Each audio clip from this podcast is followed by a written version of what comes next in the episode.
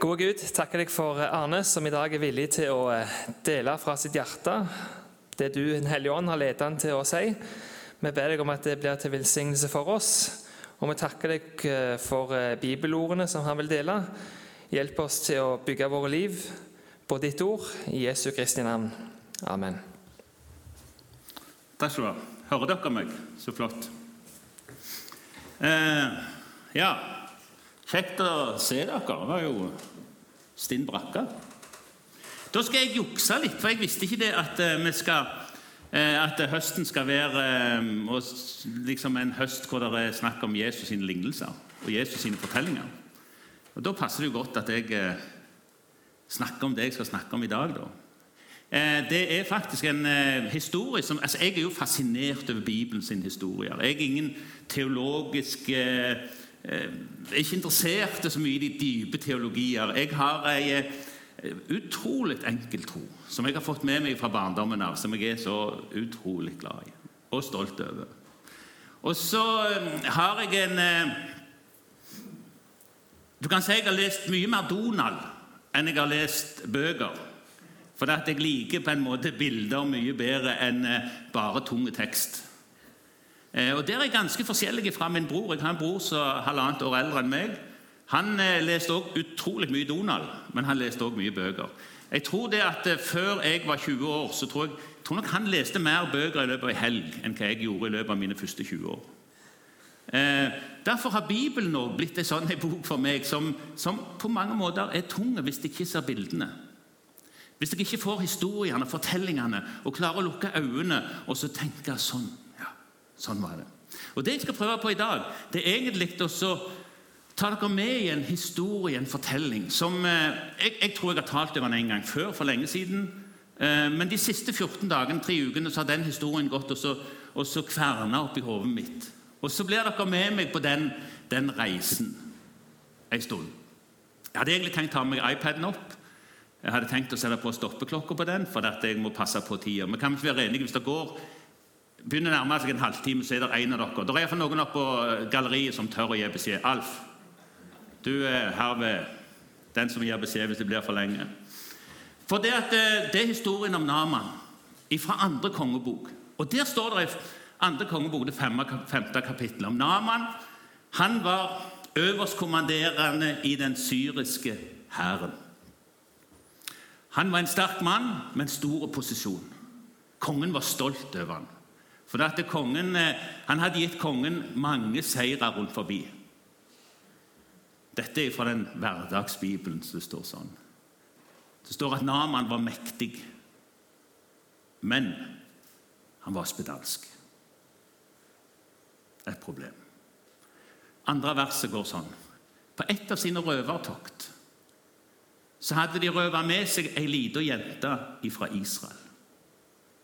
Hun jobbet nå som tjener hos kona til Naman på kjøkkenet. Det var vers 1 og 2. Og Det viste seg å være løsningen på problemet. Det er en historie om eh, en som ble spedalsk, og ei som kom med løsningen. Jeg våger å ta den historien og blande den litt. For det at eh, hele historien og Bibelen snakker om det, at spedalskhet har litt av den samme effekten som synda har, at den skiller. Mennesker mellom mennesker, familie mellom familie.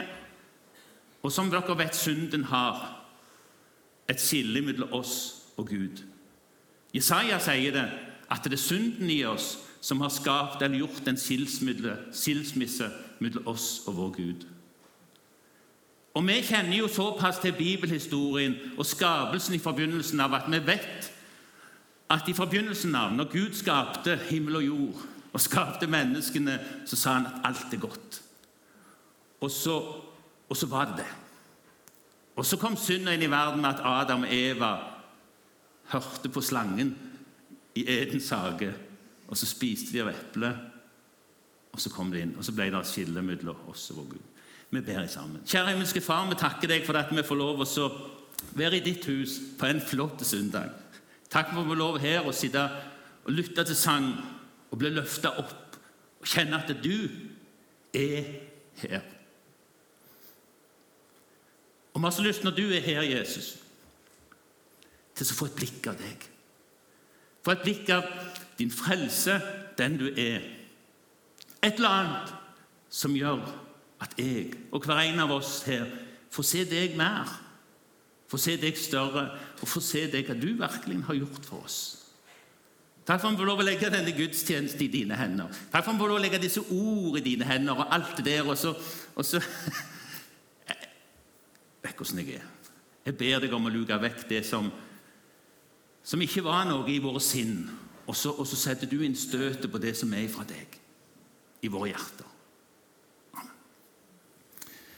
Eh, som jeg sier, så, så, gjør jeg dette fordi jeg tror det. Og så, og så, ber jeg dere om å ha litt fantasi. Og så skal ikke jeg preike, men jeg skal fortelle historien. Og så blir det gjerne litt på slutten. Naman var jo en eh, artig kar, sikkert. Han var jo øverste, øverste eh, for, for, hele hæren. Han var en mektig kriger, står det. Så det var jo ikke en sånn en eh, blomsterhans som var rundt og stelte blomsten. og sånt. Det var en kriger. Skikkelig eh, sikkert sånn. og hadde hadde mye makt. står at kongen var stolt over ham. Men så er det et problem i Namans liv. For en eller annen dag i hans liv Kanskje han har vært ute på et tokt, kanskje han har gjort et eller annet så han kom borti noen. Og Så kommer han hjem, og så går det en liten stund, og så merker han at det er noe på huden. Og I den tida var de livredde for det. Så han merker det er et eller annet, kjenner litt på det, og lar det gå et par uker, og så så ser han at det bare øker på. Og Så går han inn til kona si og så sier han det har skjedd et eller annet her. Og hun ser det jo med en gang. Det er spedalskhet. Og Det var krise, folkens. Det som skjedde da, og det kan du lese i Tredje Mosebok, for der står det enormt beskrevet hvordan den spedalske skulle gjøre. Hvordan han skulle flytte ut av huset, hvordan han skulle bo for seg sjøl, helst forbi bymuren. Hvordan når han gikk rundt forbi, så så Han skulle ikke bevege seg sammen med andre folk, for det var jo smittsomt. dette. Så han, for når han gikk og det møttes folk, så skulle han gå og rope 'urein, urein, urein'. Så tenk for den nedturen det var for Naman. Han som hadde enorme makt, enorme rikdommer, enorme posisjon. Og så plutselig oppdager han at spedalskheten er kommet til meg òg. Og så må han flytte ut, gjerne først på et rom på loftet. Men det forbedrer seg jo ikke, dette her, så han må flytte ut av huset. Uff, det ser fælt ut, dette her, så han må flytte ut av byen og ut forbi i sammen med de andre spedalske. Hjemme i huset til Naman så visste jo kona at dette er krise. Så når hun går på kjøkkenet sitt, kommer inn på kjøkkenet der, så, så er det ei lita jente som er der. Hun ser at fru Naman hun, Hva er det som er gale, fru Naman? Har du ikke hørt det? Jo, Naman har blitt spedalsk. Ja men, det er jo ikke noe problem, sier den. Og tenk dere, den, altså, den lille jenta er fantastisk. Hun har vært en bibeltime bare om henne. Hun er jo røva vekk fra Israel. De har jo vært på topp der. Gjerne Naman har vært der og bundet ned landsbyen og tatt folk. Og alt sånt, og så røver de med seg ei lita jente og flytter henne inn på kjøkkenet til Naman og sier der får du jobbe resten av livet og tie stilt. Men når hun hører at Naman er syk, så sier hun ja, men det er jo ikke noe problem. Naman skulle bare vært til profeten vår. I, Samaria, der jeg kom ifra, dere har vi en profet. Og han, han, han fikser sånne ting. Det har jeg sett før. Fru Naman hun hører denne historien og går til Naman og sier Naman, reiser, hun, hun, der som jobber på kjøkkenet, sånn, hun har fortalt meg at hvis du reiser til Samaria, til profeten i Samaria, så kan han det er en mulighet her nå. Og Det skjer et eller annet i Naman sitt sinne. Han tenker med seg sjøl at det går jo bare én vei. Jeg må prøve. Og Det er nå historien begynner å bli artig. For Naman han går jo til kongen. da. Eh, og kongen han, eh, han blir begeistra for at det er en mulighet for Naman tilbake igjen. Fantastisk. Eh, det, det, jeg, nå sier han, jeg skriver et brev til kongen i Israel. Og så skriver jeg i det brevet at du er Naman, du er min øverstkommanderende, du har gjort alt mulig godt, du er mektig. Her har du et brev. Kan du, kjære konge, fikse Naman? Og så sender jeg med deg eh, 69 kilo gull. Jeg sender med deg 340 kilo sølv og 10 festdrakter. Naman, dette fikser vi. Her er det en mulighet. Og Naman saler opp, får med seg Klart du må ha litt folk med deg og litt kjerrer og sånn for å dra alt dette her gull og sølv og ti festdrakter, og drar av sted til kongen i Israel. Og Der kommer jo Naman fram til kongen i Israel, og inn Der sitter kongen, ser det for meg, har med seg brev og sier hei, jeg er Naman fra Syria. Det var jeg som var plundra deg i sist uke. Men eh, Eller det var vel en måned før. Men jeg har blitt syk. Ser du dette her? Og nå har jeg et brev fra kongen min. Kongen heter Ben Haddad, tror jeg, der oppe. Og kongen Israel han er idioter. Det står ikke i teksten, men det har jeg funnet ut ellers. da. Og han eh, Hva er dette her for noe? Er jeg Gud, sier han. Her kommer du med et brev og greier og tror at jeg kan reise opp døde og legge døden ned og helbrede folk fra spedalske. Det er ingen som kan det. Så sier han det, nå er det jo bare, nå er jeg sikker, nå er det bare tull og tøys. det der. Nå er det kongen oppe i Syria som bare vil ha krig og elendighet og prøve meg. Så han blir sint. Sier jeg kan ikke dette. her. Jotam, altså Dette er jo en indikasjon på sida, men Jotam burde jo visst bedre. Jotam var jo sønn av Ussia. Uh, Ussia var jo sønn av Joram. Joram var jo sønn av Josjafat. Josjafat var jo sønn av Asa. Asa var jo sønn av Abia. Abia var jo sønn av eh, Jereban. Jerebeam. Som igjen var sønn av Salomo. Hvem var Salomo sønn av? Vet dere ingenting? David. Han alle slektsinteresserte vet jo dette her. Han burde jo visst fra sin slektshistorie at det fins en gud i Israel som kan gjøre utrolige ting. Det hadde vært litt av hans barnelærdom. Han tror sjøl han er opphøyet noe helt annet. Og jeg Naman, han går feil. Nå blir det krig og elendighet her. Dette kommer jo profeten i Samaria, Elisha, for høre. Så han sier, 'Kom til meg. Kom her ned, så skal vi se.' Det er litt sånn sånn stilig når du går til konger for å få hjelp. Sånn er høyt oppe. ikke sant? Det er jo ikke der du får hjelp. Det er jo blant de du omgås med. De som har prøvd det samme som deg. Sånn som den lille tjenerinna her. ikke sant? Det er jo der du får hjelp. De som har ved og forstand til å tenke at det ikke er jeg som har all makt, som kan fikse dette her. Men de peker på Jesus, han som har all makt. Sånn som den lille jenta peker på sin profet. En annen ting er jo fantastisk med den lille jenta som, som, bevarer troen gjennom dette. her. Altså Hadde jeg vært henne og så hadde jeg sett Naman ble spedalsk, så hadde jeg tenkt at det passet vanvittig godt. Du har jo ikke gjort noe annet enn å herje og ødelagt familien min og huset mitt og droget meg opp her så det er ingen som kjenner. Det, er pass for deg. Hun gjør jo ikke det. For hun skjønner jo mer enn som så. Og Naman har vært hos kongen. Nei, så går han jo da etter hvert til profeten. Dere kjenner historien. ikke sant? Han kommer fram til profeten. Og det sier jo Naman sjøl òg, at da hadde jeg tenkt i mitt indre at når jeg ruller fram der med alle mine vogner og viser fram gull og sølv og festdraktene mine, så kommer altså profeten ja, Endelig skjer det noe her. For da kommer han til å si Å, så gøy! litt gryn. Kan jeg få bygge nye kirker? Kan jeg få alt mulig? Så han vil komme ut, og så vil han si ja, hvor er det ved? Jo, der. Ja, Så vil han stryke over det, og så vil han be en liten bønn. Og så vil jeg reise hjem igjen. Frisk og rask. og så vil jeg reise hjem til Damaskus, og så vil jeg si det. Jeg, jeg vil jo betale han, så klart. Jeg regnet så det regnet på disse verdiene i går. Eh, det er ca. 15 millioner i gull og det er ca. 15 millioner i sølv pluss 10 festdrakter. Og Da er det jo sikkert litt mer enn vanlige sånne kubusgreier.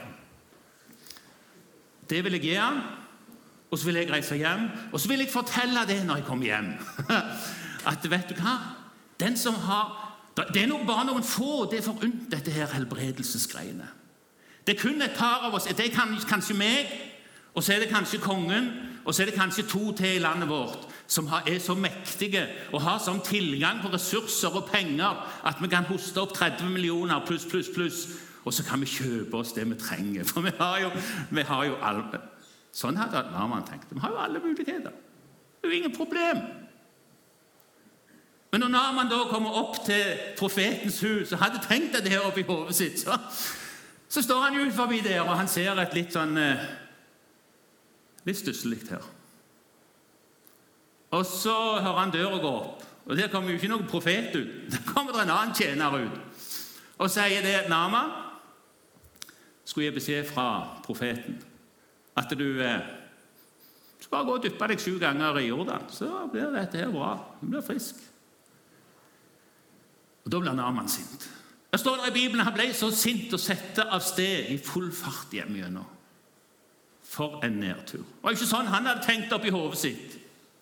De hadde jo tenkt så mange tanker, disse her, både han og kongen og familien, og, og røska med seg det de kunne av gull og sølv og edelstener, og så skal vi komme der, og så skal vi fikse det der, og så skal vi reise hjem, og så skal vi fortelle til alle for det. Så han bare setter av sted hjem gjennom. Og så er det disse tjenerne. da. Jeg har snakket om hun lille jenta. Men når man er på full fart hjemover, så kommer det en annen tjener. Det står i vers 12. Andre kongebok, femte kapittel, vers 12. kommer det en tjener fram til Naman og spør, 'Herre' Hvis profeten hadde spurt deg om noe vanskelig, hadde du gjort det da? Men nå spør profeten deg om noe enkelt. Hvor mye mer viktig er det ikke at du gjør det da? Og Naman stopper følget sitt. Og Så tenker han igjen Hvis jeg reiser hjem nå, så blir det flytta inn i rommet. Det er ferdig. Jeg vil for all tid være skilt fra min familie, fra mine barn, fra mine barnebarn. Når jeg skulle gjerne skulle kjent dem i fanget mitt, så kan jeg ikke det eneste jeg kan si urein. Hold god avstand. Om avstanden er to meter, som vi har, eller avstanden som var fem meter, som vi hadde før vi hadde to meter, så vil du si enda mer. Du må for all del ikke bli smitta. Urein, urein. Kult med disse tjenerne. De, de skjønner mye mer. Det skal vi bare merke oss. Enkle folk. De er gode å ha med å gjøre. Naman snur igjen og tusler av sted med følget sitt. ja. Selv om jeg mener ikke elvene hjemme i Damaskus mye bedre. Eller iallfall like gode som Jordanelva. Jeg kunne jo vaske meg i naboelva. Det er jo akkurat det samme, tenkte Naman. Ok. Så de snur, og så reiser de ned mot Jordanelva. Tipper jeg at de går en stund langs bredden for å finne den rette plassen. Til slutten så kanskje Naman han er jo så spent i seg. Men tro hva er dette her? For Han hører jo murringa iblant disse her som han har med seg. De sier jo ikke noe til han, men de tenker jo Naman er god. Tror han kan på en måte vaske seg rein. Går ikke an, det. Men til slutten så er det ingen bønn for Naman. De finner en plass hvor de kan gå ut i Jordanelva. Og Naman stopper opp følget sitt og De står på utsida av elva i en liten ring. Og Så går Naman av hesten sin, så går han ned mot elva så tar han av seg litt klær, og så vasser han ut i elva. Hjemme i Damaskus sitter fru Naman og familien. Og De er spente på hva som skjer.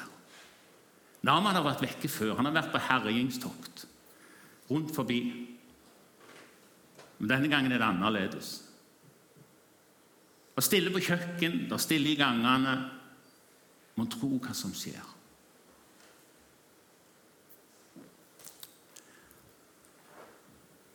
Det går mot kveld. Dette er jo min fantasi. Det går mot kveld. Byporten i Damaskus er i ferd med å senkes. Vaktene står på porten og ser ut gjennom og ser en hest som kommer i vill galopp mot porten. Og De går ut og de tenker hvem er dette her? Vi må stoppe han litt før. Og De står der morske og sånt, og ser denne mannen som kommer imot. og Han kommer nærmere nærmere, nærmere, og så ser de Oi, det er jo hesten til Nar Det er Narman! Ser det på, på, på ridninga, ser det på måten han sitter på hesten på. Det er Narman. Og de roper 'Narman, stopp! Du må ikke komme nærme muren, for du, du er urein.' Du er spedalsk, du har ikke lov å komme inn her. Og Naman kommer bare nærmere og sier, se her. Og de slipper han forbi. Og Naman inn gjennom muren, over torget, opp til høyre i den der mellomgata som går i byen, og så tar han til venstre lenger oppe, opp mot høyden i Damaskus, for det er der han har huset sitt. Og Så rir han opp gjennom som en gal, og folk ser dette og de sier villmannskjøring. Men det er bare Naman som er på vei hjem og stopper hesten ut forbi huset sitt og springer opp trappene og springer inn på kjøkkenet og tar kona si i hendene og svinger henne rundt og sier 'Se! Er rein.' En fantastisk historie. og Jeg er sikker på at Naman han tar og samler familien sin. Hold, hold de andre ute nå. La meg samles familien. Samle sine barn og sine unger og, og de som er rundt. Og så, og så sier han dere må komme inn i stua. Jeg må fortelle. Og Så begynner han å fortelle historien når de sitter rundt der i stille. Akkurat like stille som dere sitter nå. Og så forteller han, og så sier han jeg har så lyst til å fortelle dette her i detalj. Men jeg vet at tida går for de som skal fortelle historien etterpå. Men jeg har lyst til å fortelle dere noe, sier Naman. Jeg gikk feil. Jeg gikk først til kongen. Og Så gikk jeg til profeten etterpå. Og Så trodde jeg at profeten ville fikse meg. Og Så holdt jeg på å reise hjem igjen. Men så ble jeg snudd, og så gikk jeg i Jordanelva. Og derifra har jeg lyst til å fortelle. For når jeg gikk ut i Jordanelva første gangen og dypte meg, så skjedde det ingenting. Jeg døpte meg to ganger. Jeg døpte meg tre ganger. Jeg døpte meg fire ganger, fem ganger. Og når jeg kom opp den femte gangen, så husker jeg jeg hørte og jeg så på de som sto inn forbi, at det var en intens spenning og litt latter. Og Jeg har jo hørt ordet hele veien, men jeg tenkte nå får jeg bare dyppe meg her. Og så dypper han seg sjette gangen. Og når jeg hadde dyppa meg tjuende gangen, forteller Naman Da tørde jeg ikke engang å åpne øynene mine. Jeg bare reiste meg opp og så hørte jeg et gisp fra de som sto på stranda. Jeg tørde fortsatt ikke å åpne øynene, men kjente, så kjente jeg at det skjedde et eller annet. Og så åpna jeg øynene, så så jeg! Fantastisk. Helt ren. Bibelen sier at han ble ren som huden på et lite barn. Og det er noe annet enn min hud og din hud. Det er helt rent. Helt fantastisk. Og Naman forteller videre, og så gikk jeg opp til profeten etterpå. Jeg var så takknemlig. Jeg tenkte at det går an! For en profet! For en Gud! Så jeg gikk opp til profeten, og så sa jeg nå Se! Og så kom jeg fram han, han, Jeg sa det før, han bodde stusslig. Så jeg tenkte 30 millioner, det må du ha. Og så har du ti festdrakter bak her, sa jeg til han, så kan du iallfall disse tjenerne de så ikke gode ut, rett og slett. Så litt ille kledd ut. Så har du litt klær, så du iallfall kan kle dem opp til jul. 30 millioner. Og så sa han, 'Vet du hva? Jeg tjener min Gud, jeg. Jeg skal ikke ha noen ting.' Det var en helt annen vei det skjer, Naman. Du kan reise hjem igjen. Alt gull, alt sølv. Ta det med deg. Ingenting. Og det er da og Narman han ble jo så takknemlig. jeg, altså jeg er jo entreprenør egentlig, og jeg blir jo så takknemlig når jeg leser teksten videre. For der sier til og med da sier Narman ja, hvis ikke du vil ha noen ting, så tar jeg iallfall med meg to lass med jord hjem.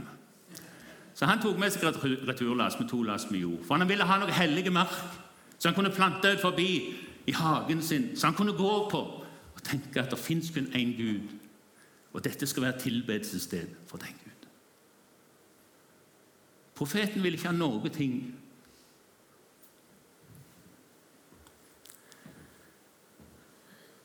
Vi reiste hjemover sier Naman. Men etter en liten stund så klarte ikke jeg mer.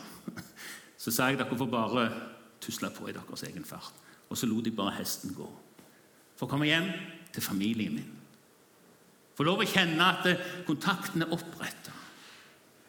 Spedalskhet som er et bilde, og som sier det at det er et endelig skille mellom de som har, og de som ikke har. Han så nok for seg framtida, hvordan det skulle bli.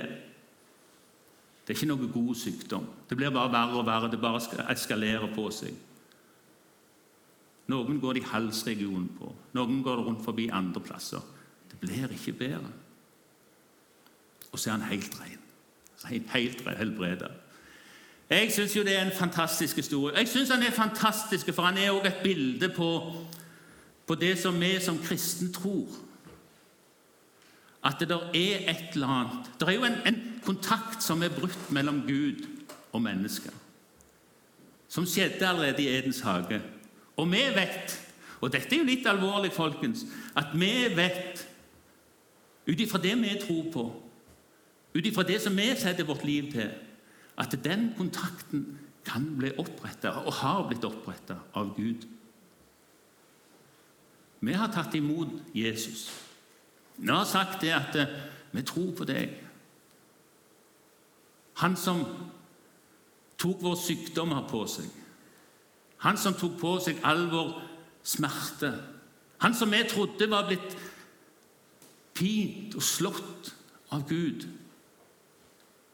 Men var for våre overtredelser at han ble såra og gjort til ingenting. For at vi gjennom han skulle få lov å få fred. Gjennom det han gjorde, så skulle vi få lov å så oppleve frelse. Eller det som noen bibler sier i oversettelsen helbredelse. Eller fri, frihet. Vi tror jo på det. Og det er vårt lodd å fortelle det til verden, som sliter med disse ting. Jesus sier det jo sjøl i Johannes 13, så, så har han en eh, samtale rundt det siste måltidet sammen med sine disipler. og så Plutselig så går han ned på kne og så vil han vaske føttene til dem. Og kommer til Peter, og Peter sier, 'Hæ? Aldri skal du vaske mine føtter.' Jesus sier det som jeg gjør nå, det skjønner du ikke nå, men du vil skjønne det seinere. 'Aldri', sier Peter, 'skal du få vaske mine føtter.' Ja, men Peter, da har ikke du del i meg. Skille. Og da sier jo Peter, 'Vask hodet mitt, vask hendene mine.' Vask alt! Men Jesus sier det er ikke nødvendig, Peter. For den som er bada, og den som er rein, han er rein. Han trenger bare å vaske føttene sine. Du, Det er en sånn vanvittig hemmelighet som vi sliter med i vårt synde tankegang. og sånn. Er du vaska, er du tilgitt, så er du rein. Så vet jeg og du like så godt at vi trenger å gå til Jesus igjen og be om tilgivelse. Men rein er du, og det skal du være resten av ditt liv. Han har gjort alt ferdig. Det er fullbrakt. Og Derfor syns jeg bildet er så fantastisk med, med Narman som, som, sitter der foran familien sin og forteller seg oh, Jeg ser det jo helt for meg liksom, at han sitter der helt elektrisk og kommet hjem i huset og sier sikkert til kona kan vi ikke få en skolekjeks med smør på. eller noe sånt. Noe. Så koser vi oss sammen som familie, og så forteller jeg det hvordan det virkelig er å bli helbredet av Han. For, for, for når du blir rein så blir du rein som huden på et lite barn. Fullkommen ren. Så må vi gå dokken litt. Vi må sikkert gå i elva litt. og, og gå, Sju er jo fullkommenhetens tall. Men er du vaska, er du tilgitt, så er du tilgitt. Jeg har fortalt historien, håper jeg, sånn at du får den med deg. Jeg har fortalt historien sånn at jeg håper du går hjem og så leser andre kongebok fem og så leser egentlig var. Men eh, dere vil se at mye av de tingene er henta derifra. Jeg, jeg, har ikke lyst til å tale mer over teksten, for jeg tror at teksten skal tale for seg sjøl. Og så tror jeg det at eh, en av intensjonene med Jesus for å, å ha disse historiene, la de være i Bibelen, det er jo for at vi skal lese dem i 2000-3000 år. Og så skaper det tro i våre hjerter på forskjellige ting. Kanskje noen her hører denne historien igjen og tenker at det, det skaper tro for mitt helbred. Det som jeg har bedt for, eller de som jeg har bedt for, som har gjerne en sykdom eller noe sånt, at vi kan få komme til Han igjen. Eller kanskje det skaper en, en tro hos deg eller en, en, sånn en tanke på at det som jeg eh, Det som har med trosspørsmål å gjøre, det som har med mine synder å gjøre, de ting som, som er gjemt så langt bak at de er rensa. Er du rein, så er du rein. Så får du lov å tro det. Eller kanskje noen vil si at vet du hva, jeg har ikke tatt imot dette i mitt liv. Det vil jeg virkelig gjøre. Kanskje det kan være en troshistorie som kan rense deg ifra frykt, ifra skam, ifra skyld. Og så sier du i dag at jeg vil være med på den neddykkinga i Jordanselv, eller hvor det er. Eller om det er bare billedlig i mitt liv. At jeg fullkomment vil si jeg bøyer meg for dine, deg, Jesus, du som er konge. Og så får vi lov å gå og vandre videre sammen med han. Jeg syns det er en fantastisk historie å ta med meg. Håper dere har fått med dere historien. Vi legger alt det som er blitt sagt, det som er blitt Som du legger våre hjerter, i dine hender, Jesus. Så ber vi at du skaper det om til evangeliet og til noe som vokser, noe som er flott å ta med i livet.